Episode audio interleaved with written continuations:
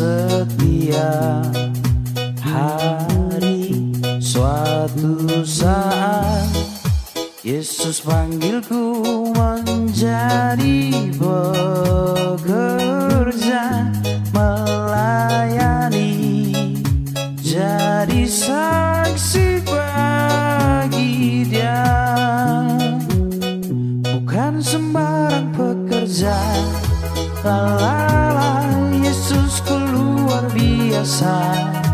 Lalala dia raja segala raja.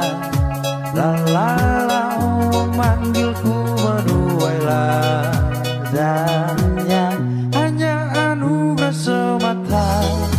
Lalala aku dipakai olehnya. Lalala sungguh amat istimewa.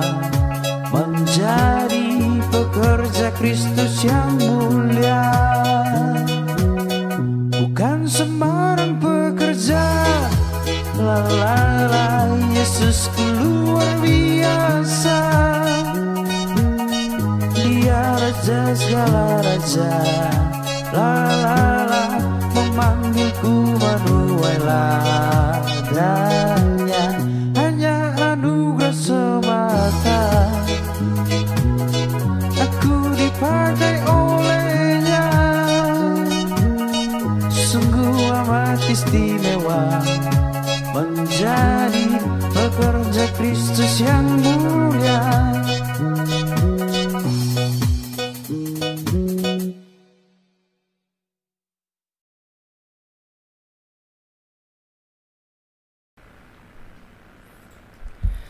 Oke, selamat malam Sobat Antioquia dan keluarga Antioquia di mana pun Anda berada Dan malam hari ini kembali lagi di program BCBS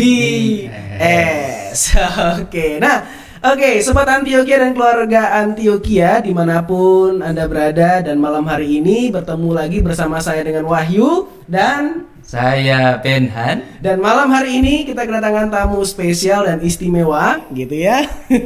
Kenapa eh, bukan tamu sebenarnya ya, bahkan tuan rumah Betul gitu ya. Tuan Dia rumah. tuan rumahnya Antioquia. Antioquia yaitu Pak Tiongwi. Selamat malam Pak Tiongwi. Malam. Oke, ini spesial banget gitu ya dan juga temanya juga spesial gitu ya, yaitu petinju jadi penginjil gitu Wah ya. itu itu tema yang eh, kayaknya nggak nyambung kayaknya. betul Tapi betul. Itu nyata dan Itu nyambung. nyata, betul gitu ya. Nah, Tapi bagi saya itu terlalu lebay. Tapi saya mau kasih tahu biasa. nanti Pak Tiomi, Iya. ini tema Alkitabiah banget. Alkitabiah banget gitu. Saya kasih tahu nanti temanya Oke, Alkitabiah. Nah, oke, sobat Antioquia dan keluarga Antioquia, yuk sama-sama yang mungkin masih sibuk dengan mempersiapkan device-nya, yuk siapin baik-baik dan malam hari ini kita mau berbincang bersama dapatkan berkatnya dari setiap perbincangan-perbincangan kami gitu ya. Dan sobat Antioquia yang mau bertanya silahkan di eh, live chat YouTube maupun Facebook dan bahkan di nomor handphone yang ada di bawah ini gitu ya. Silakan tuliskan komentar ataupun eh, mau bertanya silahkan. gitu Kirim ya. salam juga boleh. Ya betul kirim-kirim salam juga. Buat keluarganya Pak Tiongi di rumah Iya. gitu ya, boleh kirim salam gitu. Iya, gitu ya. Oke deh, ya malam hari ini eh karena temanya itu adalah petinju. Oke, malam hari ini saya juga eh, khususnya ini perkenalan dulu ya sama Pak Tiongwi. Ini Pak Tiongwi ini adalah majelis kita, gitu ya, majelis GKT Antioquia, gitu ya, sebagai wakil dari ketua, gitu ya. Dan Pak Tiongwi, saya mau bertanya satu hal nih, gitu ya, mengenai eh, petinju tadi. Nah, ini kan katanya Musandoko ini spesial dan alkitabiah banget, gitu Gak, ya. gak ada gak ada banyak orang Antioquia yang tahu tentang Betul. petinju itu ada di dalam sisinya Pak Tiongi. Bener, saya sendiri waktu dibilang Pak Tiongwi itu petinju loh. Masa sih gitu ya? Tapi ternyata memang bener Pak Tiongwi itu Tapi perlu di cross check ini. Eh, Siapa bener. tahu yang salah saya Kita bukan. cross check dulu. Pak Tiongwi sebelum sebelum waktu masih muda lah ya, waktu masih muda bener petinju Pak ya? Ya, betul. Jadi waktu itu kakak ipar saya itu, Oke. kakak yang paling besar itu memang petinju. Oh, kakak ipar petinju. Iya. Oke. Jadi waktu itu saya umur belasan gitu, umur antara 12 13 itu sering dilatih oleh kakak ipar. Oke. Ya, jadi di rumah itu punya sansak, punya apa gitu. Kemudian tidak lama kemudian saya diikutkan di satu camp, Satu camp. camp tinju zaman dulu sekitar tahun 70-an itu ada satu camp yang sangat terkenal di Indonesia yaitu Sawung Galing Camp. Sawung Galing Sawung Camp. Galing Camp. Di situ ada kalau masih ingat ada petinju Wongso Suseno. Wah, nggak ingat kita ini. Aduh, ini- belum lahir Pak, belum lahir. Belum ada Pak. Iya, itu sangat terkenal Oke. zaman itu. gitu Ya. ya. Jadi berawal dari kakak ipar yang Ya. adalah petinju, kemudian melatih Pak Tiongwi itu Ya. dari sejak umur 12 tahun sampai kapan? Pernah masuk ring berapa kali, Pak? Jadi ceritanya waktu SMA ya, Oke. SMA kelas 2 saya sempat eh, masuk ring. Sebetulnya saya ini pinginnya ya ikut tinju itu yang amatiran gitulah. Mm. Iya, iya, iya. Jadi amatiran itu yang pakai tinju, jiring pakai kaos, Pakai kaos terus pakai pelindung kepala itu ya Pak. pelindung kepala, dan pertandingannya hanya tiga ronde harusnya. Oke. Mm-mm. Iya. Tapi karena kakak ipar saya ini ngomong tidak bisa, Saung Galing itu tidak ada tinju amatir, harus profesional gitu. Oke. Jadi langsung pertandingan itu enam ronde. Mm-mm. Iya. Awal gitu. Ya. Ya har- saya harus katakan jujur begitu naik ring untuk pertama kalinya kalah saya. Oke. Mm-mm. Akhirnya juga Revan kedua dengan orang yang sama saya bisa menangkan itu. Yang kedua menang nih Pak nih. Wah ini keren ini keren. gitu ya. Nah, berapa kali, Pak, ikut pertandingan? Nah, jadi gini. Saya itu baru pertandingan ikut Iya. itu untuk pertama kedua waktu itu SMA kelas 2. Oke, SMA kelas 2. SMA kelas 2. Saya sekolah di Sin Albertus atau Dempo ya kan. Oke, Mm-mm. Dempo. Sekolah Dempo ya. Mm. Nah, di situ begitu Eh, sekolah sekolahnya ini bagi saya ini kurang niat gitu ya. yang yang nggak kurang niat tuh sekolahnya, atau Sekolahnya Pak Tionginya? Saya yang Oh, oke. Kalau sekolahnya nggak niat berarti gurunya. Gurunya gitu. gitu ya. Oh, Oke, oke. ternyata Pak Tionginya. Ya, jadi akhirnya Hmm.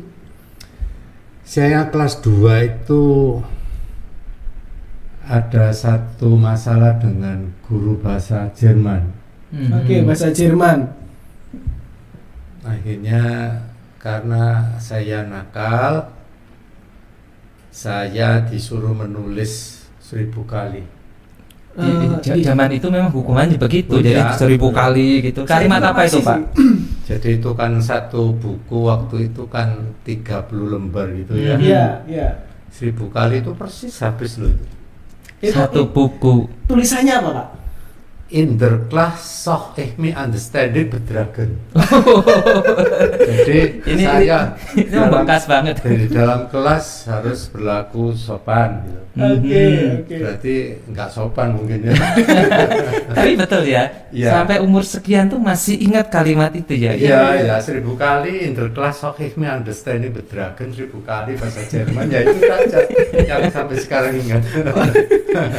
ya sejak itu saya kan eh jadi tulis itu begitu saya serahkan Iya. ke gurunya di- dibaca karena nulisnya itu tulisannya sudah jelek kan Mas. suruh ulangi Oke. nah situ saya tidak mau saya ngulangi langsung saya sobek di depan gurunya ini Oke. saya lempar ke mukanya itu nah di situ akhirnya saya dipanggilan orang tua Iya. saya suruh pulang panggil orang tua kepala sekolah ngomong saya segera harus siang ini orang tuamu harus datang jika nggak datang besok sudah out Ya dikeluarin gitu Dikeluarin. Pak ya. ya lah ketika saya pulang itu sebenarnya mama saya itu pinginnya segera mama saya menghadap tapi ya karena saya sebenarnya nggak berapa niat Nggak niat sekolah. ya. Sekolah. Oke. Nggak, nggak, nggak, nggak. Akhirnya besok terpaksa mama saya juga harus ke sekolah. Mhm. Oke. Tapi waktu itu kepala sekolah, oh ya kepala sekolah itu dia ngomong hari ini harus datang, kalau besok tidak bisa karena kepala sekolah sudah waktu itu ke Roma, Iya, iya. Romo itu. ya. Mhm. Wakilnya sudah menyatakan bahwa saya dikeluarkan. Sejak saat itu saya nggak sekolah, Oke. saya itu ke tempat saya pingin eh, pingin sekolah di Petra dengan bawa rapot itu ke Petra Iya. karena itu di pertengahan tahun Iya. Di Petra pun tidak diterima Ini Petra yang comboran ya Pak ya? Comboran itu Oh, ada ya? Ada ada Petra Ada. comboran. Oke. nah waktu itu di Comboran itu ada kakak saya punya toko sepeda Mhm. Iya. jadi setelah saya dari Petra mau daftar nggak diterima ke toko Sepeda. Saya, Sepeda. sepeda itu sambil bawa rapot terus sama koko saya dilihat rapotnya wis kamu tak terima di sini aja wis kuliah langsung di Uncom itu tadi Oh, jadi tidak diterima di Petra, diterima di toko ya sepeda Pak. tapi langsung Universitas Comboran tadi Oh, oh, ih keren ini. Oncom, oncom. iya Uncom. Oh, Uncom. Iya. Iya, Universitas Comboran. Eh, Comboran Iya. memang terkenal ya. Padahal Iya. Comboran tuh katanya tempat ini ya makanan eh, eh, kuda yang ya dulunya memang gitu kan Iya. dekat GKT satu GKT satu. Ya, gitu. sejak saat itu saya kan tidak eh enggak ke, eh, Nggak- nggak nggak sekolah. kerja kerja sudah enggak bisa latihan tinju ya masih ada kerja sambil latihan tinju cuma akhirnya kakak saya sering ninggal-ninggal saya harus jaga di toko terpaksa ya saya mulai kerja Oke, berarti Hmm. berarti itu eh, di waktu SMA itu sudah mulai latihan tinju, kemudian ada masalah di sekolah keluar, kemudian bekerja, akhirnya ting, ting- di- apa eh, latihan tinjunya Ya, berhenti, Berhenti. gitu ya. Karena Latihannya masuk kan, latihannya kan mulai kecil belasan 12 sampai kurang lebih zaman itu SMA itu bukan umur 17 18. Oke, tak ya. oke. Kira 20-an. Baik, Oke, baik. iya, Karena orang seumuran saya itu kan sempat sekolah Tionghoa ya. Mm-mm, Oke. terus ditutup ya Pak ya. Sekolah Tionghoa saya cuma sekolah kelas 1 aja. Oke. Dikeluarkan terus enggak sekolah itu dua tahun. Mhm. Begitu masuk kan sudah Sudah gede ya Pak. sudah gede. Oke.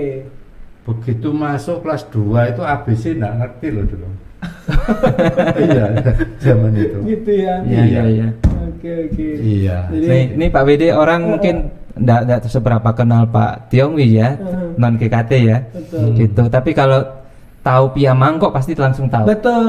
Gitu ya. Nah, ini ini juga nanti akan ngarah ke sana gitu ya. Eh, eh, jadi Pak Betul. Tiong ini ya ownernya Pia Mangkok gitu Ownernya ya. Pia Gitu. Mangkok. Karena saya sempat mendengar sejarahnya Pia Mangkok gitu Betul. ya. Kita lihat kesuksesannya, eh ternyata Mhm. pernah dikeluarin gitu Dari kan. sekolah. Gara-gara seribu kata bahasa Jerman gitu. Iya iya iya. Ini ini menarik gitu ya. Dari sosok yang mungkin kita kenal Pak Tiongi yang yang seperti demikian. Iya, ya. kita taunya sukses, kita Sukses, taunya gitu ya. berhasil, tetapi jalannya tidak semulus yang kita pikirin betul, gitu. Betul. Ternyata banyak hal yang dilewati gitu ya. Oke deh. Nah, mungkin ini eh awal dari sebuah karir Pak Tiongi itu adalah ketika Pak Tiongi mulai kerja gitu ya. Iya, kerja, kerja, kerja. kerja Iya. gitu. Dan kalau Papa sendiri, almarhum dulu kerjanya apa? Jadi papa saya itu juga toko sepeda. Oh, toko sepeda awalnya ya. Karena salah satu suku Tionghoa Oke. itu kan ada yang tukang kayu zaman itu Mhm. Dulu ya. dari suku Guangdong. Jadi suku ini suku identik ini kerjaannya? Oh, ini. itu. Oke, Kebetulan oke. kalau saya ini dari suku Hingwa. Iya. Hmm. Suku Hingwa itu kebanyakannya kalau ndak onderdil ya punya beca, toko Sepeda. sepeda, toko sepeda onderdil gitu ya. Hmm. Oke, gitu Ya ya. umumnya seperti itu. Oke, oke. Nah, Ya. kalau gitu ini kan dulu sejarahnya bahwa beliau itu toko sepeda. Kok bisa akhirnya ngarah ke apa apa namanya? Kalau dulu apa namanya ya? Apanya? Pia, Pia Mangkok kan? Nah, apa? tapi sebelum ke Pia Mangkok ini kayaknya perjalanannya Pak Tiongwi ini untuk karirnya itu udah langsung ke Pia Mangkok ini. Iya, iya, Dia iya, sempat betul. terkenal di di Asia ya Pak, produknya Pak Tiongwi itu No, Nah, ini nih yang saya nggak tahu ini. Oke. produk lem. Oh, Oh, ya. oke. Yang kalau nggak salah waktu itu pernah ini ya kejadian. Jadi Benar. produk lem yang kemudian disalahgunakan dan itu masuk di majalah majalah luar negeri ya Pak ya. Ya, time. Oke, bisa Oke. cerita sedikit Pak. Jadi Pak Tionginya nggak sampai diwawancara, lemnya yang nongol di, gitu ya. di majalah Time. Oke, oke. Jadi waktu itu kan saya toko sepeda. Toko sepeda itu zaman itu kok namanya lem tambal ban itu laris sekali. Mhm. Laris Oke. sekali. Saya punya toko itu kan kecil, bukan toko yang besar, itu enggak. Tokonya kecil satu ruangan ini, ya paling satu ruangan ini. Saya bisa jual zaman itu per hari itu 10 dosen, 15 dosen bisa gitu. Karena Oke. toko cilik, kecil Mhm. gitu. Saya berpikir kalau saya seandainya bisa produksi sendiri gitu kan enak gitu ya. Iya. Mhm. Jadi tiap kali saya pulang dari toko saya ini nggak ngerti kimia, nggak ngerti apa, wong SMA yang nggak lulus. Tapi saya sering itu coba-coba. Mhm. mulai dari itu bensin, bensol, apa, thinner, apa-apa, karet, campur, ya apa caranya bikin lem yang seperti yang saya bisa jual laku itu. Oke. Nah, sampai suatu kali akhirnya bisa jadi cuma nggak tahu ini bahannya beli di mana, ini di mana karena waktu itu bahannya itu dari hasil apa ya comot seseorang yang produksi atau apa tapi saya kan nggak tahu belinya di mana Iya, iya. Ya, tapi ini hanya keberanian aja. Nggak tahu caranya bikin seperti apa, beli bahannya di mana, cuma kurang lebih aja. Tapi saya langsung berani ke pabrik kalengnya. Hmm. Saya ke Batu, zaman itu ke Batu ke pabrik kaleng. Om, saya bisa pesen bikin eh, beli kalengnya lem gitu. Tuh, mau produksi apa? Ya lem, bisa kamu bikinnya? Ya kurang lebih. Banyak tahu dibeli di mana? Nggak tahu. Om. Ini gimana? Gak tahu kok beli. Ya, saya pikir saya cuma gini waktu itu. Saya beli kaleng waktu itu cuma 5000 kaleng. Padahal waktu itu orangnya bilang gini. Minimal pesen di sini itu 50.000. Wow. Hmm. Kamu kok beli 5000 itu mainan apa apa? Ya setengahnya mainan cuma coba-coba gitu ya. Oke. Jadi maksud saya gini, kalau kaleng itu sudah ada di rumah, tiap hari saya lihat kaleng itu tidak pernah produksi, kan tidak mungkin. Gimana Hmm. caranya pro- kaleng ini jadi diproduksi, Iya. bisa dijual? Mhm. Maka itu saya beli. Nah, tapi dari situlah saya diuntungkan. Ternyata om pemilik pabrik kaleng itu pernah bikin kaleng. Lem juga. Oke. Maka itu dia punya pabrik kaleng itu pernah bikin. Nah, karena dia juga melayani pabrik lem yang lain. Oke. Hmm. Nah, langsung dia ngomong, oh ini harus kasih ini, ini beli bahannya di sini di sini. Saya catat semua. Sejak itulah produksi lem. Oh. Kalau boleh tahu masih kan enggak Pak mereknya? Eh saya kasih merek itu K KNK. Iya, iya, KNK. betul. KNK gitu. KNK. Saya pernah beli dulu. Ya, Eh, KNK. masih ada sempat itunya apa Ya. sisa produksinya. Ya, Oke. Itu Iya. KNK dan itu masuk di majalah Time karena disalahgunakan oleh anak-anak muda nih Pak ya buat ngelem ya. Nah, suatu kali saya itu nggak ngerti. Saya ke pabrik kaleng itu lagi. Setelah saya produksinya banyak. Iya. Sehari itu waktu itu bisa dua dua drum. Dua drum. Satu drum itu bisa memproduksi 210 dusin. Wah. Jadi 400 dusin sekian tiap hari. Tiap hari. Hmm. Nah, waktu saya ke pabrik kaleng ketemu Om. Waduh, lah mau masuk majalah Time. Masuk sih Om. Saya gitu. Ini loh. Oh iya. Loh, buat apa nih Om? Aku nggak ngerti bahasa Inggris iki apa iki. Terus dijelaskan. Oke. Ternyata lab itu disalahgunakan di Malaysia atau di Sing- Singapura buat orang yang suka teler-teler itu Hmm. itu dibuat bau gitu Mm-mm. Jadi bau gitu buat teler-teler gitu karena baunya khas membuat orang itu jadi Ngefly. kayak ngefly Iya, iya, betul Pak. kan zaman itu anak-anak jalanan itu memang lah, istilahnya ngelem Iya ngelem Pak, ngefly dengan cara murah Pak. iya dengan cara murah itu. Kalau itu. Oke oke. Tapi nggak nggak sampai kena kasus berarti. oh enggak saya jualan Mm-mm. tapi memang zaman itu walaupun enggak dipakai itu Mhm. memang lem zaman itu memang rame Oh Hmm. memang Jadi memang. pinggir jalan tuh, tuh tukang tambal ban kan sukanya yang waktu itu dikerok dulu. Betul, Iya, pakai iya. ini ya gergaji.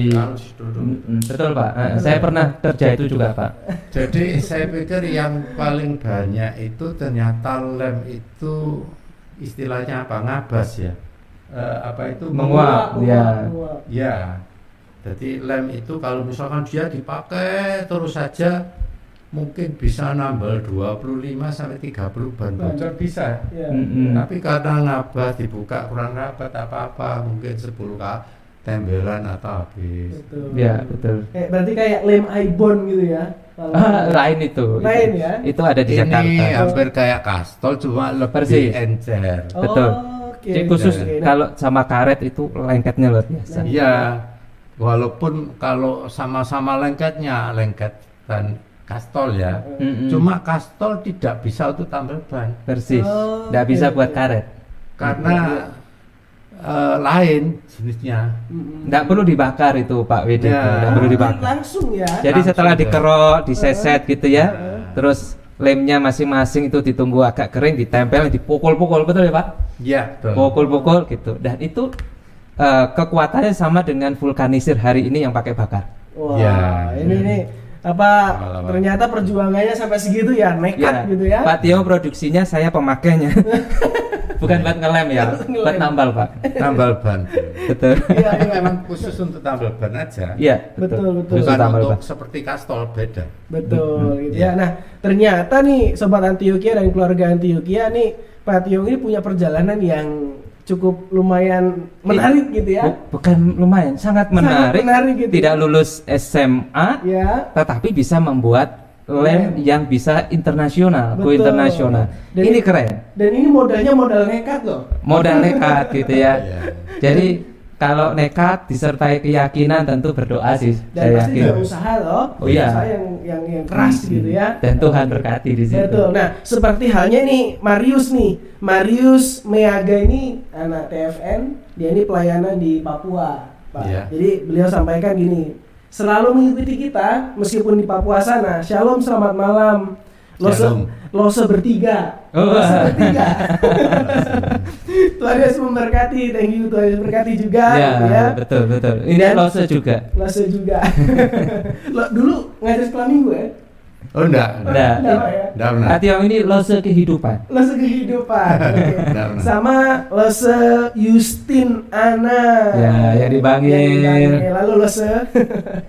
nah, oke deh. Nah, tadi perjalanan dari belajar petinju yang tadi kisahnya seperti itu ya dan sampai bisa buat produksi lem sendiri dan juga pia mangkok. Nah, ini boleh nggak sedikit aja, Pak, eh, sejarahnya pia mangkok nih. Dari berbau kimia sampai Ya. berbau harum Harum makanan. bisa dimakan.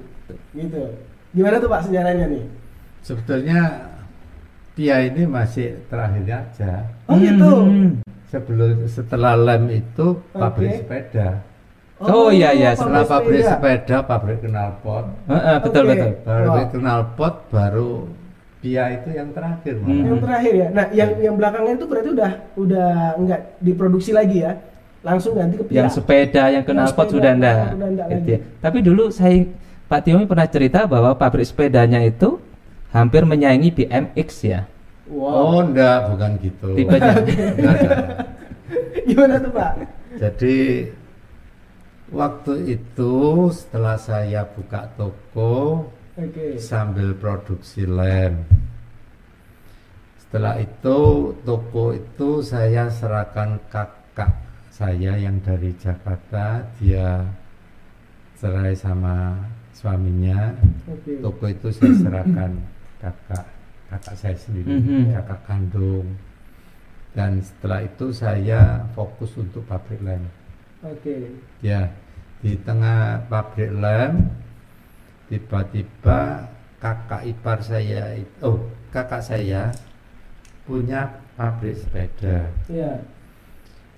Tempatnya itu pinjam punya kakak ipar Mhm. pabrik kompor nah tempatnya itu eh, kontrak tidak bisa diperpanjang nah karena saya punya tempat setelah saya produksi di rumah saya beli tanah di Karangsugi sini Iya. nah itu tempatnya bisa buat pabrik sepeda di sebelahnya bisa buat pabrik eh, lem, Lem. dan sepeda Oke.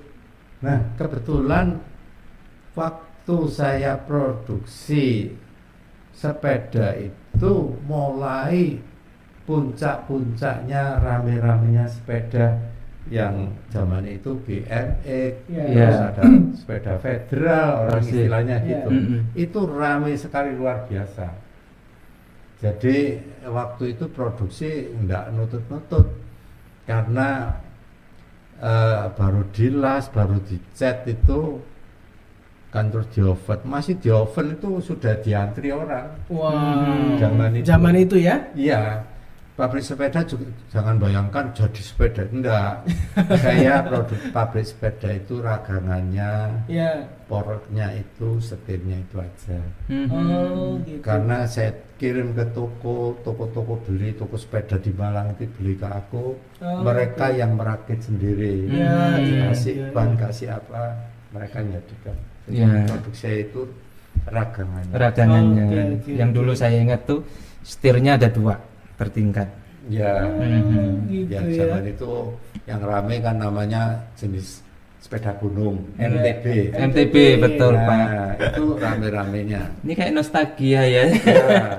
Tapi justru juga sekarang ini juga lagi rame-ramenya lagi nih Ya sepeda. gara-gara corona sepedaan, Pak. Sepedaan. dan sepeda laris Pak. Nggak mau ke Sepeda lagi. sepeda lagi Pak. Enggak sudah. Sebetulnya malah saya itu pernah ketika baru menikah Mm-mm. umur 30 saya pernah ngomong sama istriku. Mah, aku pingin kerja sejak hari ini 10 tahun aja. Hmm. Setelah 10 tahun aku pingin pensiun. Oke. Nah, tahun 98 terjadi Krismon. Ya. 98 ada. Krismon ya. Waktu itu eh, juga sepeda mulai waktu itu agak turun, tukang-tukang akhirnya, tapi sebelumnya itu memang saya mulai pabrik sepeda itu tahun 9 94, 95, 96, 97 itu mulai merosot. Jadi kalau di grafik puncak terus turun. Langsung turun ya. gitu turun saya lagi berpikir lagi ini tukang banyak. Tukang les kerja apa? Saya berpikir akhirnya bikin pabrik knalpot Oh, Mhm. Oke. pabrik knalpot untuk melanjutkan tukang-tukang ini supaya enggak nganggur Nganggur gitu ya. nah Oke. itu 98 BB 97 98 itu bikin pabrik knalpot Ya, ya.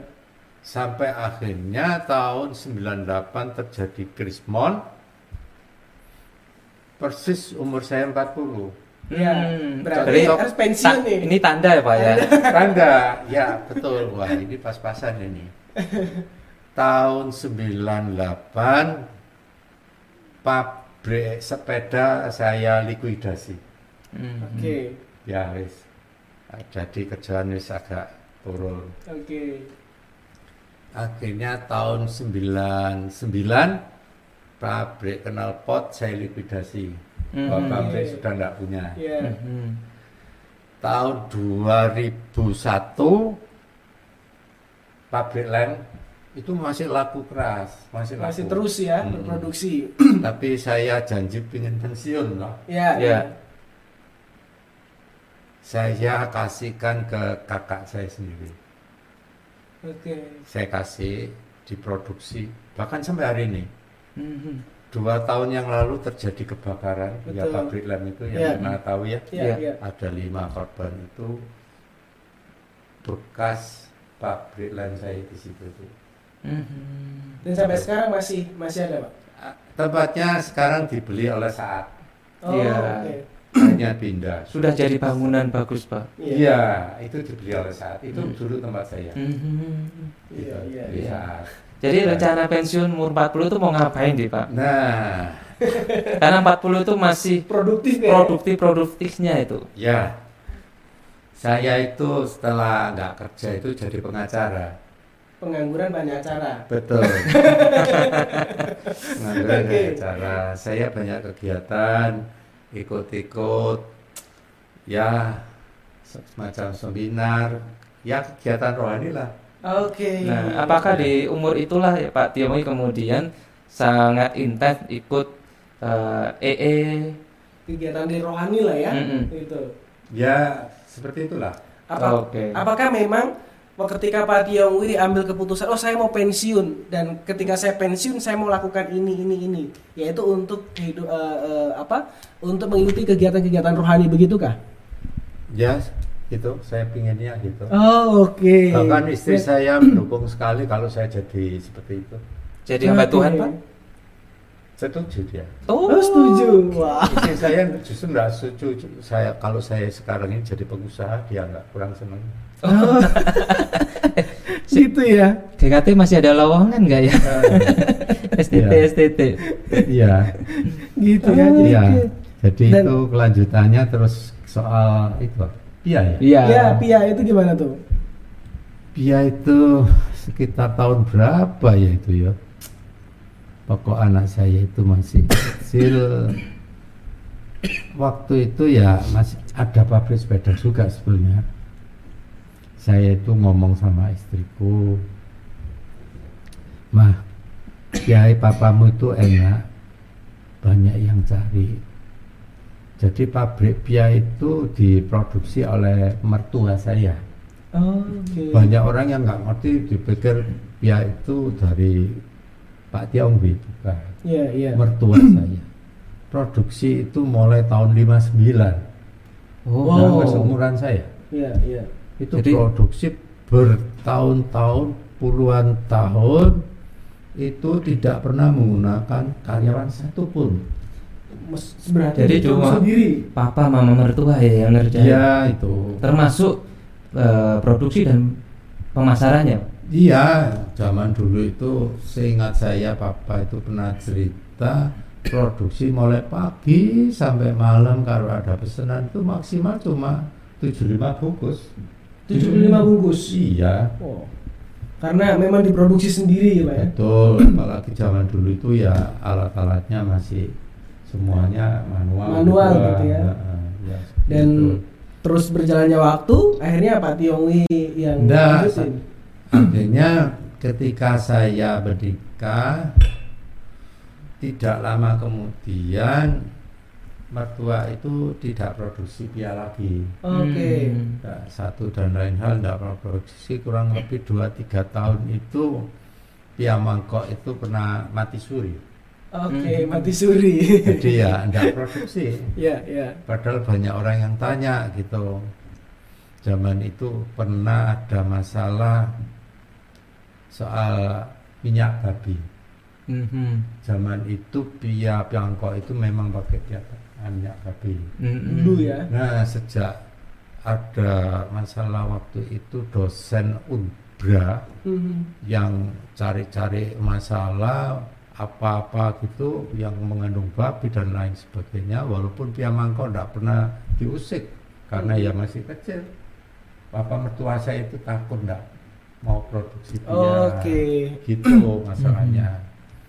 Tapi akhirnya juga bikin dikit-dikit tanpa minyak babi. Ya. cuma juga rasa enak. Cuma akhirnya juga intinya tidak produksi lah Mhm. Oke. Suatu kali itu saya pernah ngomong-ngomong dengan istriku, Mah, kiai papamu itu banyak dikenal orang, kamu gak kepingin kan bikin? Istriku selalu mengatakan, percuma bikin dia itu. Pia itu kan kalau bahasa Jawa ini kan pia-pian ya. Apa itu, Apa itu, Pak? Pak? Apa itu kayak saingan untungnya kecil karena buktinya papa itu produksi puluhan tahun ya tetap rumahnya Begitu aja tahu, gitu ya. ya. Oke, oke. Saya meyakinkan kalau aku bisa mah dan saya bisa buktikan pabrik lem rame, pabrik sepeda rame, kanal pot juga luar biasa. Kalau biasa harusnya bisa. Istri saya tidak bergeming. Enggak kurang mendukung gitu ya. Enggak. Tapi ya karena kegigihan saya bolak balik takok takok aja. Oke. Terus terserah terserah kamu. Jadi gitu kalau mau berjuang gitu wis pokoknya ya, harus gigih bertanya. Gitu ya. ya karena itu terus suatu kali istriku ngomong sakarmu sakarmu. Sejak hari itu juga ngomong sakarmu. Open day papa yang cuma bisa dua lenser itu? Ya. yang manual. Saya ambil hari itu juga. Oh, oh, Nah, ini. dari situlah besoknya cari cari bukan satu dua dan seterusnya. Oh, itu ini, mulai lah ya. Ini luar biasa banget ya. Oke, ini berarti perjuangannya Pak Tiongwi eh, berarti waktu itu pensiun bener jadi pensiun Pak ya? Maksudnya dari usia 40 itu jadi pensiun. Mestinya gitu. Kalau saya biar sebetulnya enggak, enggak ikut-ikut. Yang kerja akhirnya ya memang istriku. Hanya ini berarti hanya apa namanya ya? eh, mengembalikan lah, membangkitkan kembali Pia Mangkok itu Ya. gitu ya. Nah, kebetulan kan saya ini punya grup jalan pagi. Oke, sampai Hmm. sekarang Pak ya. Ya, tahun 2005 itu ada temanku yang nawari toko Iya. di Semeru. Mhm. Oh, oke. Saya tertarik ini. Saya pernah punya angan-angan. Iya. Saya ingin punya toko kalau tidak di Kawi ya di Semeru. Iya. Kebetulan ada temen itu yang nawari aku lagi mau bangun ruko di Semeru. Mhm. Nah, sejak tahun itulah tahun 2005 Iya. Saya ngomong ya sudah akhirnya saya beli dua Baru Dua ruko itu. nah sejak saat itulah saya melanggar janji pensiun itu pensiunannya Pensiun. itu akhirnya tahun 2005 itu buka lah toko lagi toko Piamangko waktu itu memang sudah produksi Piamangko Iya. dan iya. sebelum tahun 2000 kan sudah mulai rintis Piamangko. Rintis. Gitu ya. Dan sampai sekarang ya sampai sekarang eh ternyata ya ini sobat Antioquia dan keluarga Antioquia ini menarik banget gitu ya cerita kesaksian dan juga eh, pengalaman Pak Tiongwi yang ternyata penuh dengan perjuangan gitu ya seperti halnya itu tadi seorang petinju yang Nah, gigih Ya, jadi- ini gimana Musa? ini ini kan sisi sisi ini ya sisi kerja keras Iya. sisi pengalaman secara eh, ke, keekonomian gitu ya. Tapi kita belum menyentuh sisi rohani sisi Ya. pelayanan ini Belum, kayaknya belum. kita perlu perlu kulik karena begini Pak Tiongi ini itu adalah eh, dari muda melayani Tuhan di GKT 1 Ya, gitu ya. betul. luar biasa di situ fotonya masih ada yang masih keren waktu itu rambut panjang gitu ya agak panjang sedikit gitu Iya, ya. iya. Nah mungkin idola waktu itu pada Betul, zamannya. betul. Terus kemudian ke ketiga juga terus eh, jadi majelis melayani ganti Mhm. hamba Tuhan. Beliau tidak pernah ganti gereja gitu. Betul. Nah itu, itu perlu kita kita tanya ini. Betul. Bahkan ini keistimewaan beliau adalah ketika beliau itu diberi ka- karunia oleh Tuhan itu untuk bisa berdialog dengan lintas agama. Lintas Nah, agama. Sehingga kita bisa pakai tema tagline hari ini petinju menjadi penginjil. Penginjil. Nah, karena penginjil itu bukan sekedar sebuah jabatan gerejawi tetapi eh, pelayanan, Betul. memberitakan Injil. Ya, nah ini nih ya salah satu contohnya nih ya. Saya boleh dibukakah yang apa? Ternyata Pak Tiongwi ini juga aktif banget gitu ya. Ini kalau nggak salah di GKT, udah di GKT Antioquia nih. Nah, ini dia nih. Hmm. Ini lomba masak lomba masa ya di Antioquia. Betul, kayaknya Ya. lebih mudah hari ini ya Pak daripada dulu. oh Pak. iya Kok Itu- bisa ya? itu 12 tahun yang lalu itu itu ada Pak Alim di belakang Ya, itu ya Oke. 12 tahun yang lalu lebih Ya. mudah hari ini. Lebih mudah. Ini nih keajaiban dunia. nah Nah, Iya. gitu ya. Ini eh Pak Tiong ini dari dari sejak muda melayani Tuhan, mengikut Tuhan gitu ya, melayani Tuhan dengan setia dan bahkan sampai sekarang. Dan bahkan Tuhan pakai juga Tuhan karuniakan talenta khusus gitu ya karena tidak semua orang percaya bisa berdialog khusus gitu ya dengan bahkan lintas lintas eh, agama gitu ya dan pelayanan. Dan bahkan kalau tidak salah Pak Tiong ini eh jadi salah satu ini ya jadi di EE itu apa nih? Pengurus, pengurus. betul pak ya saya wakil ketua Wow. wah wakil Ya. ketua betul ya Ya. dan itu udah berapa lama pak ya lumayan lama ya Kenapa Pak tertarik dengan dunia pemberitaan Injil? Karena tidak semua orang Kristen itu tertarik dengan eh, pelayanan pemberitaan Pemberitaan Injil, Injil. apalagi kepada mereka yang belum percaya. Ya. Bahkan yang difoto itu itu Iya. Ibu Shulien itu adalah buahnya beliau itu. betul betul ya Betul ya? ya ya, Eh, ya. Kira-kira kenapa tertarik dengan ingin memberitakan Injil ke orang lain gitu? Ya sejak saya tahu keselamatan Hmm. saya tiap kali ketemu orang itu pingin ngabarkan keselamatan yang saya miliki Oke. Nah, kebetulan Saya ini pernah diajak pelatihan EE. Waktu awal-awal Malang itu ada EE. Saya itu heran ketika ikut pelatihan EE, kok saya ini belum pernah belajar EE, Hmm. kok beberapa metode itu kok yang saya biasanya nginjili seseorang itu kok sama. Mhm. Oke. Minimal kan EE itu yang paling ciri khas kan dua pertanyaan diagnostik. Betul. Betul, Pak. Betul. Loh, aku ini nggak pernah latihan EE, tapi kalau nginjili orang yang dua diagnostik Dua itu ada. pasti ditanyain Pasti ya. gitu Iya. Oke. Mhm. Nah, waktu itu saya sangat tertarik dengan pelatihan EE. Waktu itu latihannya itu di saat Ya, Hmm, bisa. Masih saat Ya, lama ya. Pak ya. saat lama itu hari pertama pe- latihan itu zaman dulu itu bukunya kan tebel itu Ya, Ya. tebal dan lebar ya, Pak ya. besar gitu kalau Mm-mm. sekarang kan dikecil-kecilkan itu Betul. di Ya. latihan. saya pulang dari latihan itu antara jam 6 sampai jam 8 Iya. pulang itu langsung saya baca sampai selesai buku itu Wah. Padahal itu hari pertama ya, Pak ya. Hari Iya. pertama.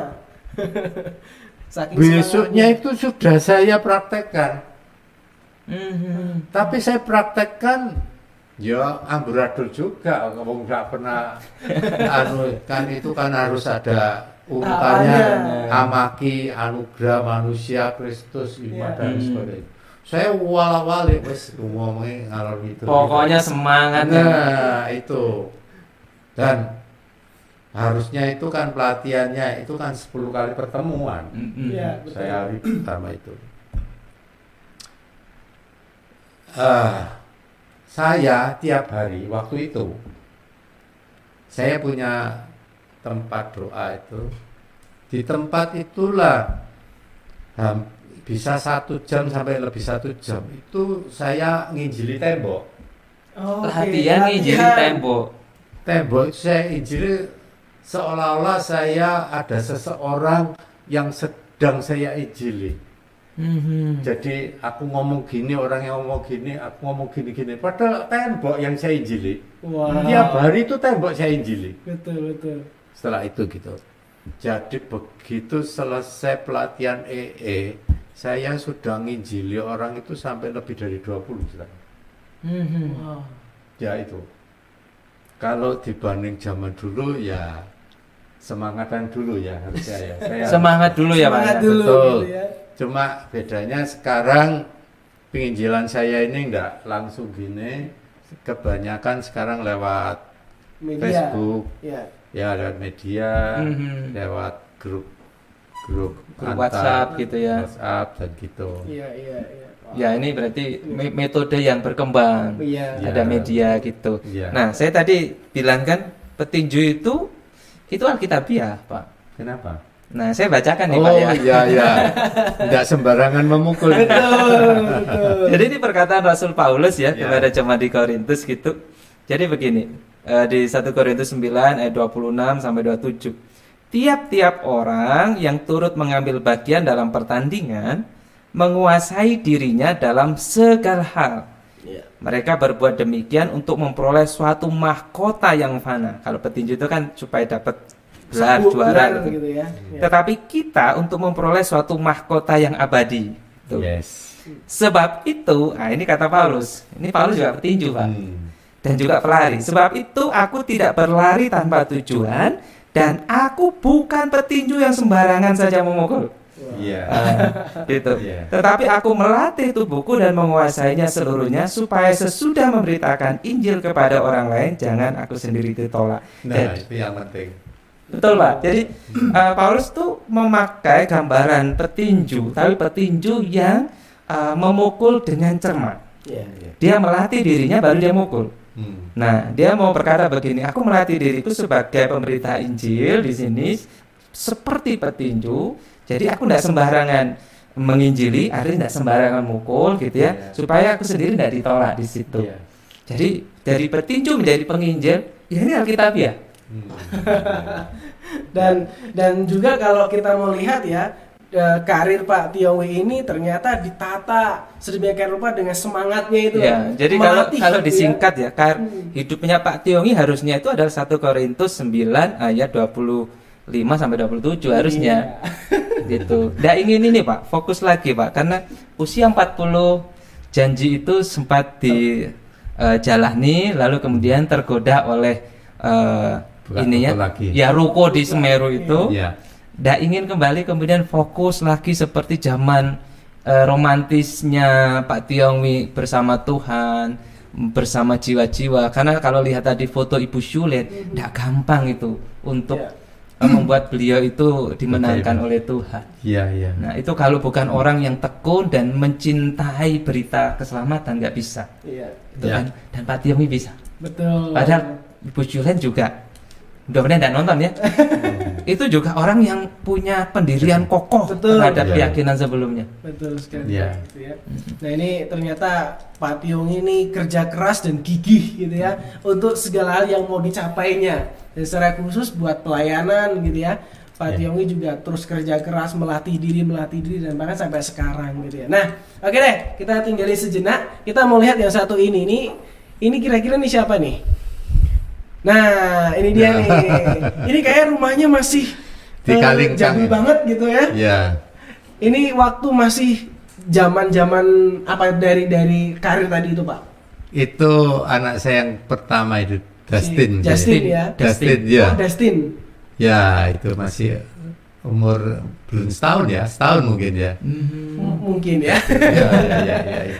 Tapi itu waktu masih pabrik apa ini? Pabrik. Ini lem. toko sepeda ini. Oh toko sepeda malahan ya. Jadi toko toko sepeda sepeda. ada Oh. Dustin. Ya, ya, Oke. ya, ya. Toko Oke. knalpot ada. Oh ya, ja- berjalan waktu tidak lama setelah toko sepeda yang pertama itu pabrik lem. Lalu, Oh, pabrik lem ya. Pabrik lem juga di Kalingkang sana awalnya. Mhm. Oke. Iya. Iya. Di Jalan Nah, Kalingkang. Gitu Iya. ya. Ini eh, berarti apa ini yang masih zaman-zaman yang Zaman perjuangan. perjuangan. Nah, Iya. kalau yang satu ini, Pak. Nah, ini yang satu ini nih. Nah, ini, Wah. ini kayak zaman menikmati. kayak zaman menikmati. Tapi jujur, jujur Pak, mudahan hari ini daripada zaman itu. Iya, benar. Oh ya, itu rambutnya habis itu. Ini sekarang lebih banyak. Betul gitu ya. Ini ini zamannya zaman menikmati. Udah 40 belum ini, Pak? Ini di Makau umur berapa ya? Ya nggak terlalu lama ya umur 50-an itu. Oh, 50-an malahan ya. Mm-mm. Wah, ini ternyata luar biasa Ya, gitu ya. Oke deh.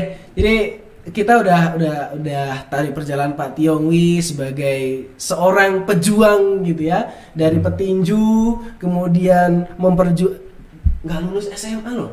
Iya. Eh, nggak lulus SMA Pak ya? Kelas 2. Kelas Iya, dua kelas loh. dua loh. Gitu loh. Kemudian langsung kuliah di mana? ya? Di Uncom. Uncom. Uncom. Alumni Uncom. Uncom, ya. Uncom. Tapi Tuhan eh, memberikan berkatnya luar biasa gitu ya, talenta di dalam un- apa eh, untuk penginjilan gitu ya, dan bahkan berkat-berkat yang nggak nggak nggak mudah untuk di di apa ya? Ya. Di eh, Jadi kalau, kalau kita belajar dari Pak Tiong ini orang-orang anak-anak muda yang harus belajar pertama tentang kegigihan. ya betul. Kalau ada Iya. kemauan pasti ada jalan ya Pak ya. Ya. Gitu. betul.